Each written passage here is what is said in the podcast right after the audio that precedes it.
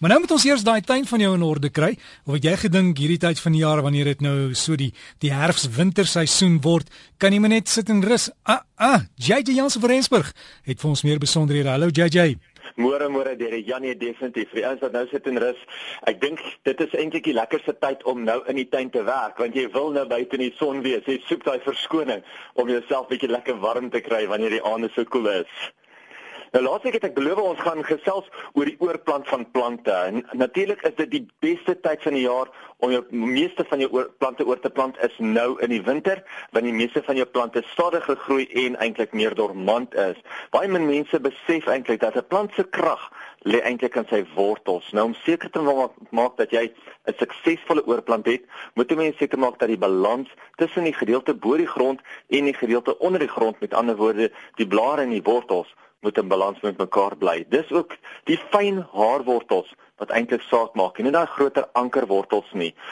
So baie belangrik om eers jou gat te grou, kompos in jou beenmeel te meng, wat dan soos jy gaan verplant, dat dit gereed is, dat dit so gou as moontlik weer terug in die gat gegooi kan word, dat jou plant self nie baie lank buite die grond staan en die wortels laat droog word nie. Ook maak nie saak wat jy gaan verplant nie. Jy moet dit baie deeglik nat maak net nadat jy dit verplant het. Mense bou mos altyd daai klein dammetjies om die om die plante se stamme en dan gooi mense sommer so 20, 30, 40 liter water in daai dammetjie gedeelte in en dit is om seker te maak dat die grond weer in baie goeie kontak kom met die wortels en dat dit die lug uit die grond uitforceer. So maak seker dat jy dit baie goed nat maak. Toe ek laasweek van oorplant praat, toe oorval die mense my met vrae oor die oorplant van rose.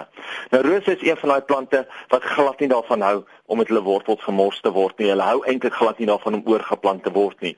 Maar Dit is nou die beste tyd om dit te doen. Wat 'n mens moet doen, is jy moet daai plant self halveer, want onthou dit is nou hoe ons die balans gaan reghou tussen die wortels, die wortels wat jy eintlik verloor en dan die boonste gedeelte van die plant, jy moet daai balans reghou. So mens halveer die plant en dan moet 'n mens seker maak dat jy hom so gou as moontlik in die nuwe gat inkry. Baie mense grou eers die plant uit, dan kyk hulle nou groot hoe groot is die gat wat hulle moet grou, dan gaan grou hulle na die gat en dit is verkeerd om. Ook as 'n mens toevallig die gat te klein gegrou het en jy moet hom bietjie groter grou, laat staan die plante ergens in die skaduwee, moet dit nie in die son laat staan nie. Jou agapanthuse, jou grasse, jou klippies en baie ander van jou bolplante kan 'n mens een keer elke 3 of 4 jaar kan 'n mens oplig, hulle opbreek en dan kan 'n mens hulle weer oorplant. Nou hier kan 'n mens omtrent al daai blare wegsny en die die uh, bolle weer in die grond inplant of die rhizome weer in die grond inplant. Maak seker dat jy hulle nou mooi spasieer en maak seker dat jy hulle maar net baie goed nat maak. Maak ook seker dat jy hulle nie te diep plant nie, want hulle wil nie te diep geplant word nie. Met broodbome en palms moet 'n mens al daai onderste rye blare wegsny en net die laaste ry of so in die kern van die plant hou. Mens kan hierso natuurlik rootstem wat 'n baie goeie wortelhormoon is kan 'n mens by kwekery kry, by die broodbome gooi om nuwe wortels te forceer. Belangrik dat 'n mens nie jou palms skud nie. Hulle hou nie daarvan as jy hulle oorplant dat jy hulle heen en weer skud om die grond in te kry nie. Gebruik eerder 'n stok of so, druk daai grond lekker styf vas aan die kant en gooi hom goed nat. Laaste netjie is natuurlik 'n dame wat vir my gevra het in 'n e-pos, wat is beter? Moet 'n mens 'n ronde gat grou of moet 'n mens 'n vierkantige vierkantige gat grou? Nou ek sê 'n ronde skottelagtige vorm is definitief die beste, veral as jou grond baie hard is, want As jou gat oop is soos 'n skottel, vang hy die water op en hy forceer dit na die binnekant toe, na die wortel wortelstelsel toe en natuurlik gaan 'n mens baie van jou water eintlik by jou plant se wortels uitkry en nie net laat verlore raak nie. So gepraat van water, Nou water in die winter, ons moet doodseker maak laat ons ons plante in die oggende laat gooi, nie in die aandes nie.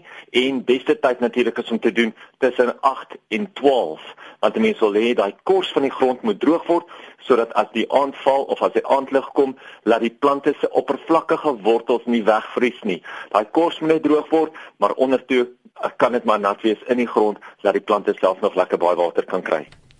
As jy JJ mense wat inligting soek vir jou wil kontak kry jou by JJ. Natuurlik, hulle kan vir my e-pos by JJ by Gardenwold. Dis JJ by gardenwold.co.za en hulle is welkom om ons om ons ook te bel. Skakel ons by 011 957 2046 9572046 maar as jy nou nie vinnig kon neerskryf nie, gaan loer in die in jou telefoongids of gaan kyk op ons webtuiste by www.gardenwold.co.za en jy gaan al die, die al die kontakbesonderhede daar kry. En sê SMS net gou deurgekom, dis nou tyd om pronkertjies te plant of is dit al klein bietjie laat? Is bietjie laat om die saad te plant. Jy kan nou al die plantjies in die grond sit of nou nog die plantjies in die grond sit, maar definitief nou oor die wintermaande is ertjietyd, is pronkertjietyd. So gesels JJ Jansen van Rensburg van Garden World, gaan kry inligting en nommers by hulle webtuiste gardenworld.co.za. Sy gesprek sal ook die komende week as 'n pot gooi by ons RSG webtuiste rsg.co.za. Beskikbaar wees. Lekker tuin maak.